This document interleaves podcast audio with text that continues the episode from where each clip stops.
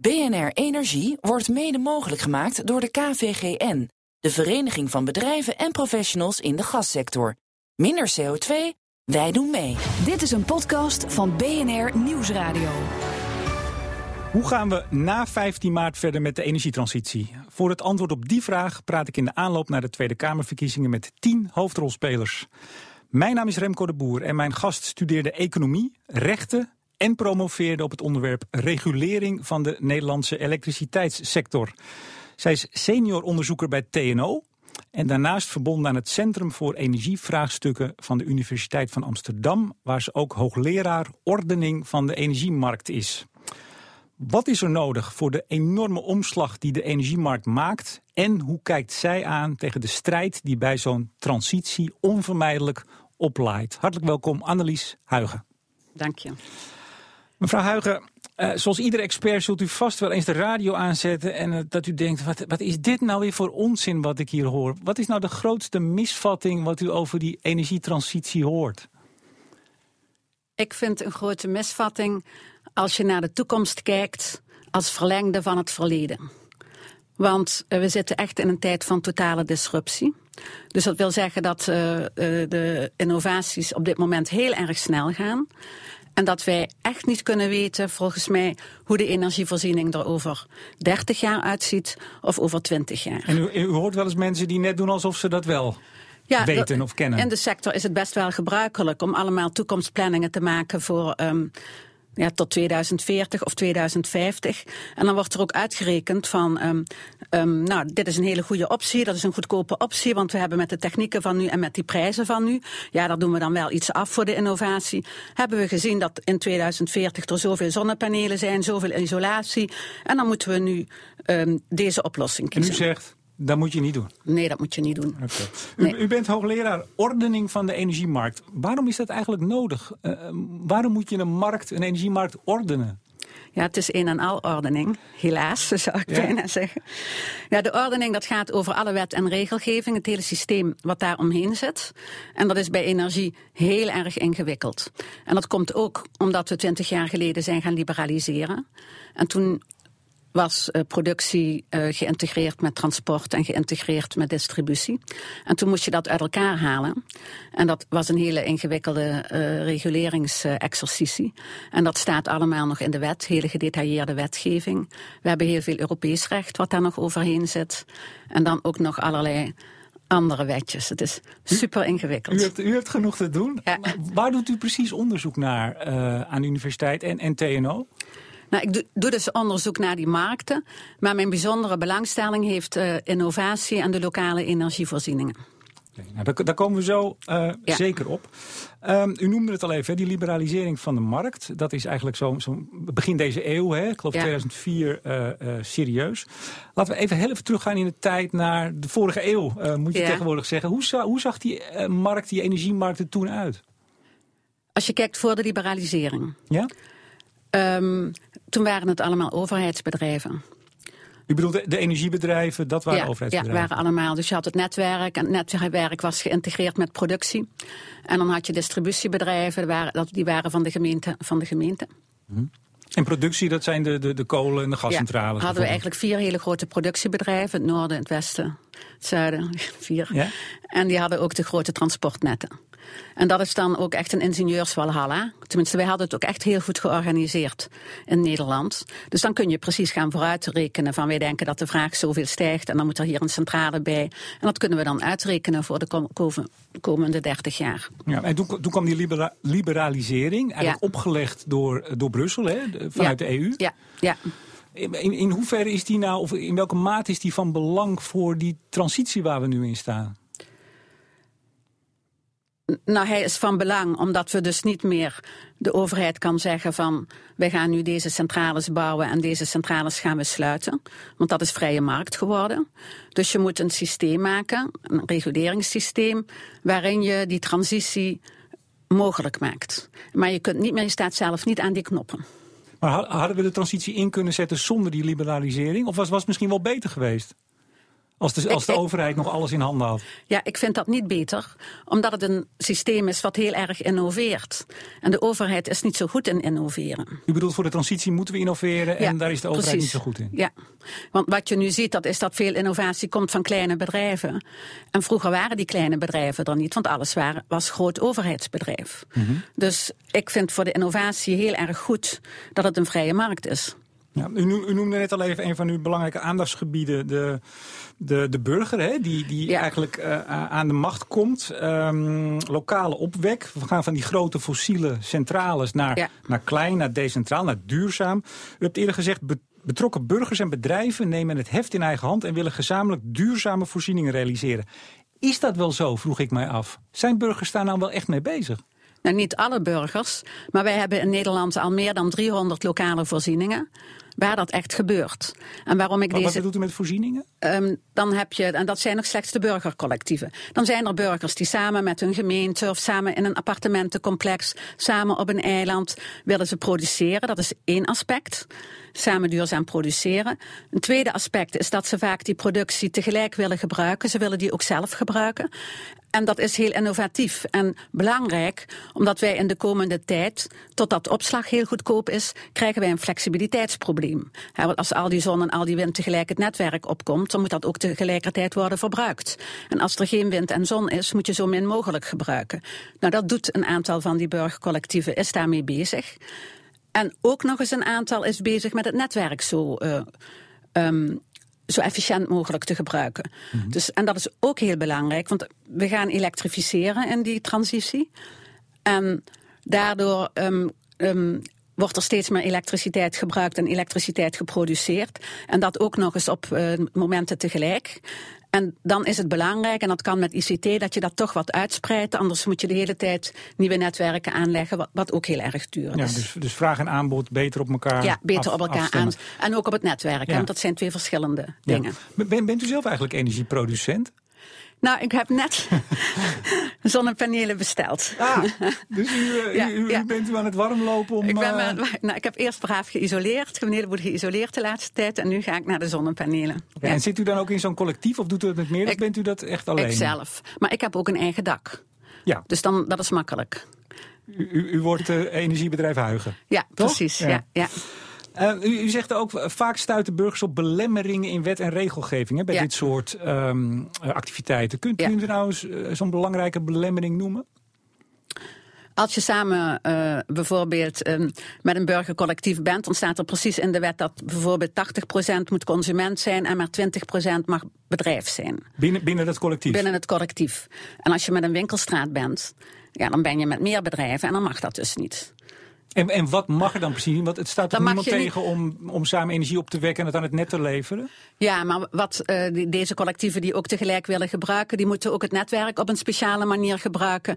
En die willen vaak het netwerk integreren met productie en gebruik. En daardoor hebben ze meer vrijheden nodig dan je in de wet hebt. En om zo'n collectief te worden staan wel 15 voorwaarden in de wet. Het staat ook precies hoe dat gereguleerd moet worden en hoeveel zon je mag produceren. En je mag niet ook aan een middenspanningsnet zitten. En, en heel erg veel voorwaarden. En veel collectieven die echt ambitieus zijn, die kunnen daar niet aan voldoen. En dat gaat dan niet door, begrijp ik? Nee, dus vaak gaan ze dan eerst op een andere manier doen. Door, en ja, daar is nu zijn er allerlei eh, ja, toch lobby's om te zorgen dat die uitzonderingsregels veel ruimer worden. Oké belemmering hebben we het over. Hè? Ehm, eh, het kabinet ruimt er ook een aantal op. Uh, bijvoorbeeld de aansluitverplichting aan het aardgas. Tot nu toe, als iemand een, een, eh, een huis bouwt, zou maar zeggen, of een woningcorporatie of een wijk, dan moet daar een gasaansluiting zijn. Dat gaat nu uit de wet. Bent u daar blij om? Ja, dat vind ik heel goed. Waarom? omdat wij moeten toch van het gas af. Want uh, in 2050 moeten we duurzaam zijn. Dus we moeten daarvan af. En als je dit nu zegt, dan kan dat toch pas over tien jaar of zo beginnen. Dus dat, maar waarom kan het pas over tien jaar beginnen? Je kunt toch niet nou bij mensen. Uh, nou, voor nieuwbouwwijken kun je al meteen natuurlijk uh, het gas weglaten.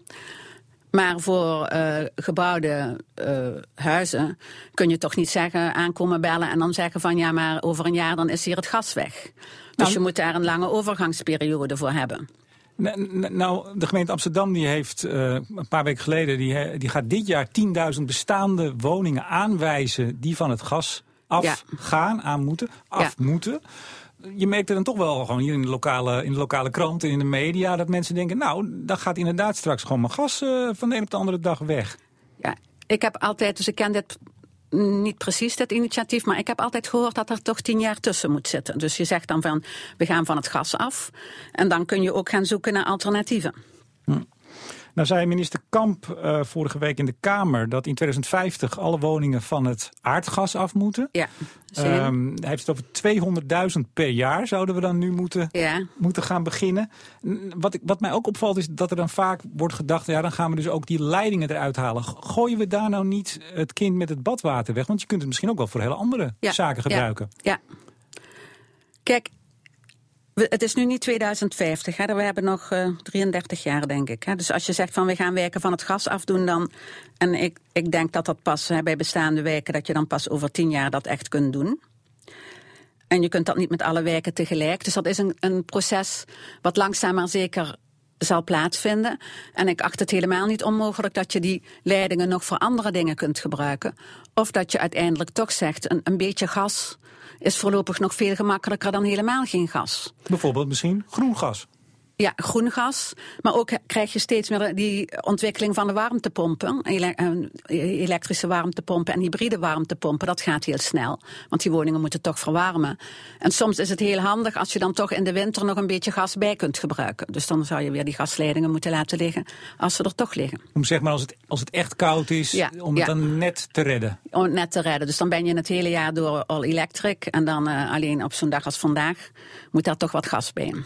Nou kwam uh, deze week uh, het bedrijf Remea van de, de ja, cv-ketels ja. en, en, en ook de elektrische warmtepompen, ja, zeiden ze er meteen bij in hun uh, communiqué. Die breken een lans voor het behoud van de gasaansluiting, van de infrastructuur. Die zeggen ja, all electric, dus, dus alles met stroom doen. Ehm, dat zou minder duurzaam zijn zolang de stroom toch vooral fossiel is hè, in Nederland. Die is voor 90% ongeveer fossiel. Ja. Ehm, en als er heel veel zon is, uh, al die windparken op zee ook, uh, dan is het handig, zeggen zij, om dat op te slaan. Hè, dat te veel wat je hebt, wat je dan niet kunt gebruiken, maak er waterstofgas van of methaan. En uh, gebruik dat later. Hebben, hebben zij een punt? Ja, ze hebben een punt. Ja.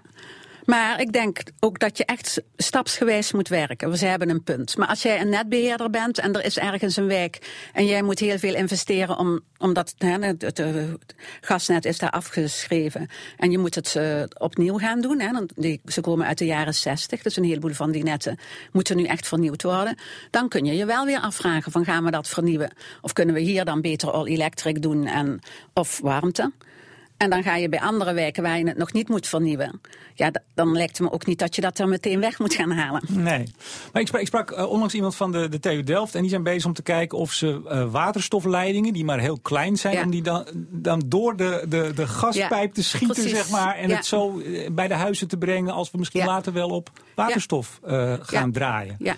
Is dat, is dat een reële... Ja, dat, dat is ook... Kijk, ik denk daarom ook echt dat wij niet weten hoe ons energiesysteem er over twintig jaar uitziet. Er zijn zoveel technologieën, er wordt zo hard aan gewerkt. Dus alles verandert terwijl je bezig bent. En wat ik dan een gevaar vind bij dat gas uit de wijk, is dat heel veel mensen zich op warmte storten. En dan gaan ze plannen maken voor warmtenetten met twee uh, twee belangrijke aspecten. De ene is, alle consumenten moeten aangesloten worden en we schrijven ze in 40 jaar af. Dus dan krijg je, ja, ik ben niet zo van voor dwang al, maar als je dat doet, dan vervalt ook die verplichting om een hele goede business case te hebben.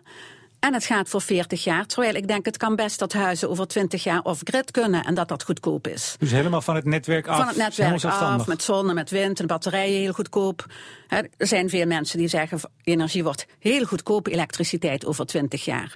En dan zit je met die warmtenetten. En dan heb je dus inderdaad weer voor 40 jaar geïnvesteerd, moet je 40 jaar afschrijven. En dan heb je 20 jaar afgeschreven en wie moet dan die andere 20 jaar betalen? Of ga je dan tegen die consumenten zeggen, ja het is veel goedkoper om elektrisch te worden, maar jij zit nou eenmaal, we hebben je al gedwongen om aan dat gasnet te zitten. En nu moet je nog twintig jaar verder daaraan zitten. Dus ik vind dat als je in een tijd van disruptie zit met zoveel nieuwe technologieën, dat je eigenlijk je business cases gewoon binnen 15 jaar eruit moet krijgen. Dat je niet moet zeggen van wij gaan hier investeren en voor 40 jaar of voor 30 jaar. Nee, ik denk voor 15 jaar, want dan zijn er nieuwe technologieën. Dus dan begin je weer aan het volgende. Maar dat is natuurlijk wel moeilijk als je nou als woningcorporatie of als gemeente een nieuwe wijk aan het plannen bent. Je krijgt adviezen, u geeft misschien advies. Hè? Ja. Allerlei andere partijen geven advies. Het lijkt me wel heel erg lastig om daar je weg in te vinden als, als openbaar bestuur. Ja, dat is ook lastig. Maar ik denk dat we hele goede beoordelingscriteria moeten hebben voor alle alternatieven. En één daarvan is van schrijf het in 15 of in 20 jaar af. Een andere uh, criterium kan zijn van hoe is dit voor de innovatie en voor de toekomst. op een gegeven moment is het toch gewoon investeringsbeslissingen. En de technologieën die zijn er. Dus, dus eigenlijk is dat niet eens zo ingewikkeld. Maar goed, dan komen we natuurlijk weer op het punt van we hebben het nog steeds CO2 is heel goedkoop. Hè? Dat beprijzen we eigenlijk niet. Ik neem aan dat u dan uh, ook daarvoor bent om daar in ieder geval wel. Ja, dat zou heel fijn zijn. Ja, ja? ja dat, het is toch altijd de beste prikkel als de vervuiler betaalt. Ja, Daar zijn de, alle economen de CO2-uitstoter, zeg maar. Ja, dat is de uitstoter. Dus met die CO2-rechten moet de vervuiler betalen. En de vervuiler voelt dan zelf de prikkel om uh, minder te vervuilen... en om te zorgen dat het schoon wordt. En dat is voor alle economen de perfecte prikkel. Ja. Even nog, we hadden het net over all electric, hè, dat woord viel een paar keer. Alles met elektriciteit, verwarming, uiteraard uh, uh, het licht, maar ook de auto. Ja. Um, als we nou allemaal, of in ieder geval misschien zelfs in delen maar, uh, op, op all electric overgaan, wat betekent dat voor het elektriciteitsnetwerk? Kan, kan die dat allemaal aan? Um, in sommige wijken wel, in andere wijken niet. En uh, wat ik zei, ook met die lokale initiatieven die experimenteren met vraag en aanbod op elkaar af te stemmen en dat ook op het netwerk af te stemmen. Als je dat goed doet, valt dat reuze mee wat je moet uitbreiden. Maar ik hoor wel eens uh, oproepen van nou, we moeten daar een hele wijk of een hele stad helemaal aan de stroom. Dat gaat dus niet zomaar. Dat ligt er dus echt aan hoe je dat doet. Er zijn allerlei berekeningen en dan in sommige wijken, in oudere wijken, en je gaat daar allemaal elektrische auto's neerzetten en allemaal warmtepompen neerzetten, kan dat een probleem zijn. Maar voor een deel kun je het dus oplossen met flexibiliteit. En daar, dat vind ik zo mooi van lokale voorzieningen, dat hier voor heel veel nieuwe producten en diensten voor Nederland ontwikkeld kunnen worden. Dus bijvoorbeeld bij warmtepompen, die gaan dan s ochtends uh, aan en die ga je niet tegelijk aanzetten. Maar dan heb je technologie dat ze allemaal om de beurt aangaan. En dan komt het, gaat het dus niet tegelijkertijd van het netwerk af. Wie het eerst op, opgaat, die mag als eerste zijn warmtepomp Ja, maar je kunt, die huizen zijn vaak goed geïsoleerd. Dus je kunt het om vier uur al beginnen of om vijf uur al beginnen. En, dan, en je kunt het allemaal met uh, eh, ICT doen en met thermo, nieuwe thermostaten en nieuwe meters dat, dat, afstemmen, wat u nu zegt, maar ook het afstemmen, hè, vraag en aanbod, het, het, uitsmeren eigenlijk van de vraag. En dat zeker als we het over wind en zon hebben, die natuurlijk niet permanent uh, voorhanden zijn. Da daar komt denk ik een hele nieuwe functie of een nieuwe rol ook, hè, om dat bij elkaar te brengen. Um, wie moet dat gaan doen? Ja, iedereen kan dat doen. Het worden allemaal een soort ICT-functies. Hè? Ja. Dus um, met prijzen. Dus ja, iedereen, en leveranciers kunnen dat doen. En nu wordt er heel veel gesproken over de aggregator. Dat zijn dan nieuwe partijen die daarin gespecialiseerd zijn. Energy service companies kunnen het doen. Maar wij verwachten dat je over een tijdje ook peer-to-peer kunt handelen. Hè, dat ik met jou kan handelen. Dan hebben we hier een app en eh, dan zeg ik, ik heb wat elektriciteit over, neem jij dat? Denkt u echt dat burgers dat gaan doen? Ja, maar alle, ik ga denk ik dat niet met mijn app doen. Maar je kunt het wel automatisch doen in, in lokale initiatieven dat je zonne-energie die jij over hebt, dat die dan naar je buren gaat. Ja, maar die, die 300 initiatieven die u noemt, hè, dat, dat zijn denk ik voorlopers. Dat zijn mensen die vinden dat uh, leuk en, en, en belangrijk. Maar ja, ik kan me zo voorstellen als daar misschien 10 of 20 of 100 mensen in zitten. Je, je hebt het nog maar over een hele kleine groep. En we weten natuurlijk dat heel veel mensen, als het over duurzaamheid gaat, die denken, ach, laat maar waaien. moeten we het nou echt van die burger hebben? Of heb je nou die aggregators, dus partijen die eigenlijk vraag en aanbod bij elkaar brengen? Hebben we die niet veel meer nodig, toch? Ja, maar die aggregators worden daar ontwikkeld. Het, ik denk niet dat wij het van de burger moeten hebben en dat iedereen dadelijk een lokaal initiatief gaat starten. Maar in deze uh, initiatieven worden alle nieuwe technologieën uitgeprobeerd. En op een gegeven moment dan worden die zo gemaakt dat jij dat niet eens merkt dat jij gewoon zegt van ik, ik, wil dit jaar wil ik energie van mijn buurtcollectief en van de wind. En mijn laadpaal wordt aangestuurd door mijn leasemaatschappij. En er is gewoon iemand anders die dat voor je regelt. En, en dit moet ontwikkeld worden. Ja. Nou, nou was u onlangs uh, uh, op een hoorzitting in de Tweede Kamer. Dat, dat ging uh, over eigenlijk, en dat vat ik even mijn eigen woorden samen, toch een beetje de strijd die er al is tussen de netbeheerders die eigenlijk het transport van stroom en gas doen en de energiebedrijven. Er is een beetje een strijd aan het oplaaien. Wie mag nou de experimenten doen? Wie mag nou proberen die rol in te vullen? Ik begrijp dat u daar wel toch een, een beetje een lans brak voor die netbeheerders om die meer ruimte te geven om hier te doen. Waarom, waarom vindt u dat? Dat vind ik omdat ik innovatie zo belangrijk vind. En kijk, die netbeheerders zijn nu gesplitst. Dus het zijn overheidsbedrijven geworden. Twee van de vier zijn al gesplitst, die andere twee gaan splitsen. En wat je op dit ogenblik ziet, is dat zij heel erg bezig zijn met die nieuwe technologieën en met die nieuwe technieken. En dat ze daar um, een enorme impuls vormen voor uh, de lokale duurzaamheid. Maar ik begrijp heel goed het spanningsveld dat commerciële partijen zeggen: ja, maar als wij het ook kunnen doen, mag een overheidsbedrijf dat niet doen. En dat begrijp ik ook. Maar eigenlijk gebeurt er ontzettend weinig op dit moment, hè, op dit gebied. Dat je zo blij bent met wat er gebeurt. Ja, dat dat echt ontwikkelt. Ik bedoel, er gebeurt weinig bij die commerciële partijen of bij die netbeheerders? Want die netbeheerders hebben wel een aantal pilots lopen. Hè, ja, we hebben een aantal pilots. Het zijn pilots. Maar het is natuurlijk nog steeds niet een heel erg grootschalig verschijnsel. Nee, maar moet je niet altijd gewoon beginnen met klein en het dan opbouwen? Ja, ja, nou precies. En dat is wat de netbeheerders nu doen. En dan, willen de, ja, dan is er dus een strijd met die eh, leveranciers. Die zeggen dat mogen zij niet doen, want wij willen dat doen.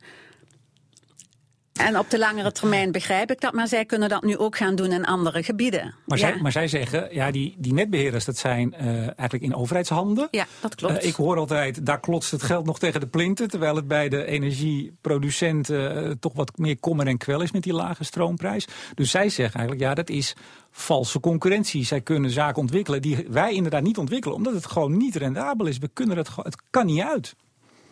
Maar veel van wat die netbeheerders ontwikkelen, dat kunnen zij daarna wel gebruiken. Het gaat ook heel erg over die ICT-infrastructuur die over die uh, netwerken heen moet komen te hangen en hoe je die gebruikt. En vooral ook dat er open platformen komen, daar zijn zij allemaal mee bezig. En ik vond dat idee van tijdelijke taken daarom ook best wel goed. Want ik vind als het op een gegeven moment ook echt door de markt uh, kan gebeuren of gebeurt, dan vind ik ook echt dat de markt dat moet doen. Eigenlijk moeten ze gewoon gaan samenwerken. Dat zou ook kunnen, ja. Maar het, ja. Want de, de, ACM, de Autoriteit Consument en Markt, die zegt eigenlijk ook netbeheerder, blijf in je hok. Blijf in je hok, ja. Aan je kerntaak en niet te veel experimenteren. Ja. Die zien het dus niet goed, begrijp ik. Ik vind dat, dat dat experimenteren heel belangrijk is, dat het nog weinig gebeurt en dat zij daar echt ook ruimte voor zo, zouden moeten krijgen. En we krijgen nu natuurlijk met die warmtenetten dat je ook weer je gaat afvragen van welke rol krijgt de netbeheerder hierbij. Ja, daar speelt, daar speelt hetzelfde, ja. zegt u. Ja, hetzelfde, ja. ja. Um, we komen uit dus een markt, daar begonnen we eigenlijk al mee. Die grote investeringen, 40 jaar, langjarig uh, zaken ja. aanleggen, daar, daar gaan we vanaf. Uh, ik las ergens, u had gezegd, we kunnen nu geen grand design maken. Dat zei u net ook. Ja. In de transitie is kwestie van uitproberen, aan de slag gaan, uh, voortbouwen op successen, leren van mislukkingen. Staat ja. de politiek op dit moment open voor het leren van mislukkingen? Ja, ik denk dat de politiek daar nooit open voor staat. Kijk, ik denk ook altijd, het gaat natuurlijk toch gebeuren dat met die experimenten, of hoe dan ook, dat hier eens de stroom uitvalt. Ja, het is zo'n grote verandering. En voor de politiek dat is dat... in Amsterdam hier gehad. Dat was een, een groot ding ja, meteen, hè? dat was een heel groot ding, ja. ja dus de politiek trekt het zich misschien iets te veel aan. Of want dan kom je meteen kamervragen en dan krijg je al dat gedoe. En het is natuurlijk ook heel erg als het elektriciteitsnet uitvalt. Maar je kunt niet zeggen dat je door een transitie gaat en in een disruptie en dat er nooit iets misgaat. Dat, dat kan volgens mij niet. Maar u was daar in de Kamer en, en toen na afloop misschien staat u nog even met de Kamerleden. U hebt daar dat pleidooi gehouden. Zeiden ze, nou mevrouw Huigen, fijn, we gaan lekker, uh, we gaan lekker experimenteren. Nou, ze hebben heel veel Kamervragen hierover gesteld. Ja, want er is een bepaling in het Europese recht dat heel veel vrijheid geeft. En ik denk dat wij dat echt ook zouden moeten invoeren. Veel andere landen hebben dat ook gedaan. En bijvoorbeeld in een appartementencomplex, dat je dan echt gewoon meteen één voorziening kunt maken met zonnepanelen. Dat je het één grote geïntegreerde voorziening is. Dat, dat is toch de technologie van de toekomst. En dat je dat vrij kunt doen. Ik, ik begrijp dus dat u, u proefde wel een, een, een welwillende houding ja, van de Kamerleden ja, ja, die aanwezig ja, waren. Ja, ja, Oké. Okay. U zei ook, de transitie biedt grote kansen. Um, dat Nederland de Silicon Valley van Europa ja. kan worden. Wat, wat Ja. bedoelt u daarmee? Met die lokale experimenten zijn wij binnen Europa heel erg goed. Um, want we lopen voorop, Ja, wij lopen voorop, ja, ja, ja. Dus zo weinig doen we ook weer niet dan? Nee, wij lopen voorop. En dat komt ook omdat dat systeem wat wij hadden in 1998 hebben gedaan bij de liberalisering, dat is een heel mooi open systeem. En met, met ook die afgescheiden netbeheerders.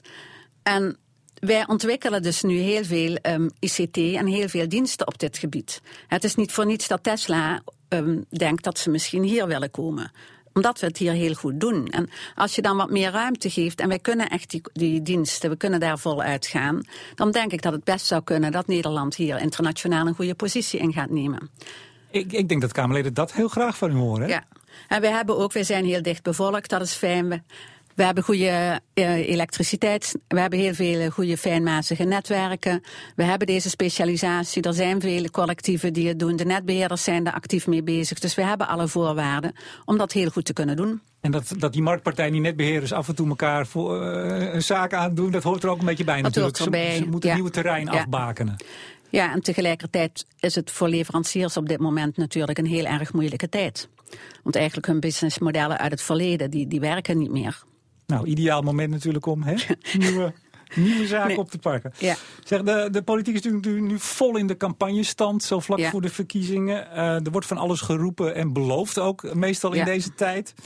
Um, wat hoopt u nou dat ze na 15 maart, na de verkiezingen, concreet gaan doen in het nieuw kabinet? Wat is het belangrijkste, het eerste waarvan u zegt, nou, als, als we nou een nieuw kabinet in elkaar sleutelen, dit staat bovenaan het verlanglijstje Huigen? Voor mij staat bovenaan, terwijl het misschien niet eens het belangrijkste is, maar in mijn verlanglijstje is geen belastingen meer op duurzame energie. Dat, dus, dat, dat, is goed om te horen. Geen belasting, dat vinden de mensen fijn. Geen verbruiksbelasting. Want ik vind het op zichzelf dat als we zo graag duurzaam willen worden, vind ik het niet te, niet te verantwoorden. Maar die lokale initiatieven waar ik het over heb, die, ja, die draaien allemaal op de salderingsregeling. Dat is allemaal nogal ingewikkeld, maar dan hoeven ze geen belasting over de duurzame energie te gebruiken. En dat willen we weer gaan afschaffen. En ik vind dat. Dus, uh, dus, sorry, dus ze betalen nu al geen energie. Dus het, het, het, functioneert nu al zoals u wil, of wilt u meer dan zoals het nu gaat? Nee, um, het punt is dat sommige, in sommige gevallen hoef je geen belasting te betalen over je duurzame energie en in andere gevallen wel. En dat is heel ingewikkeld. Dus bij die lokale initiatieven gaat ook heel veel energie zitten in die vraag van wanneer moeten we wel belastingen betalen en wanneer niet. Nou, dat salderen, dan hoef je het dus best wel vaak niet te doen. In mijn eigen huis hoef ik het ook niet te doen. En dat willen ze weer gaan afschaffen. En nou, ik heb begrepen dat het kabinet zegt, we, we kijken ernaar. Nou, ja, 2020 en, er is een kamer, en dan kamermeerderheid die zegt, nou houd in ieder geval in stand en nou, ja. zoiets. Hè? Maar tot 2020 dan schep je weer een heel onzeker investeringsklimaat. En nu wordt daarover gediscussieerd. Maar ik vind tegelijkertijd vind ik het ook heel belangrijk als signaal. Kijk, dan kom ik even op een heel ander voorbeeld. Ik zet de laatste Belgische radio aan. En toen waren ze daar bezig met dat ze accijns hadden gehad op sigaretten. En die hadden ze heel erg verhoogd, want sigaretten zijn ongezond en de mensen moeten niet roken. Wat gebeurde er? De mensen rookten veel minder. En toen zei de overheid, ja maar we krijgen niet genoeg geld binnen. Dus we moeten die accijns weer terugzetten. En dat is toch niet geloofwaardig? Als je gewoon zo bezig bent in een land om het te verduurzamen, dat dan vooral, het zijn alleen de kleinverbruikers, het zijn niet de grootverbruikers, niet die middenverbruikers, zulke hoge belastingen laat betalen over die duurzame energie. Ja, die ze dan vervolgens zelf weer moeten betalen eigenlijk. Ja, maar dan bent u ook econoom. Ja. Dus u hebt vast ook gekeken, als we morgen of na de verkiezingen al die belasting op duurzame energie afschaffen, wat gaat dat dan kosten? Zeg ik dan toch maar even een Ja, Hollandse vraag. Dat salderen praten ze volgens mij over 77 miljoen. Terwijl er natuurlijk 12 miljard dit jaar gaat naar SDE plus subsidie voor duurzame productie. Dus dat, dat ja, dus, is, dus is naar, naar peanuts. windmolens, zonneparken, Ja, et cetera. ja, maar is het maar die 77 of is die toch een beetje meer? Ja, het wordt natuurlijk meer naarmate je meer duurzaam produceert. Maar dat is net zoals die accijns met tabak. ja, ik bedoel, ik denk dan van je moet meer belasting heffen op fossiel.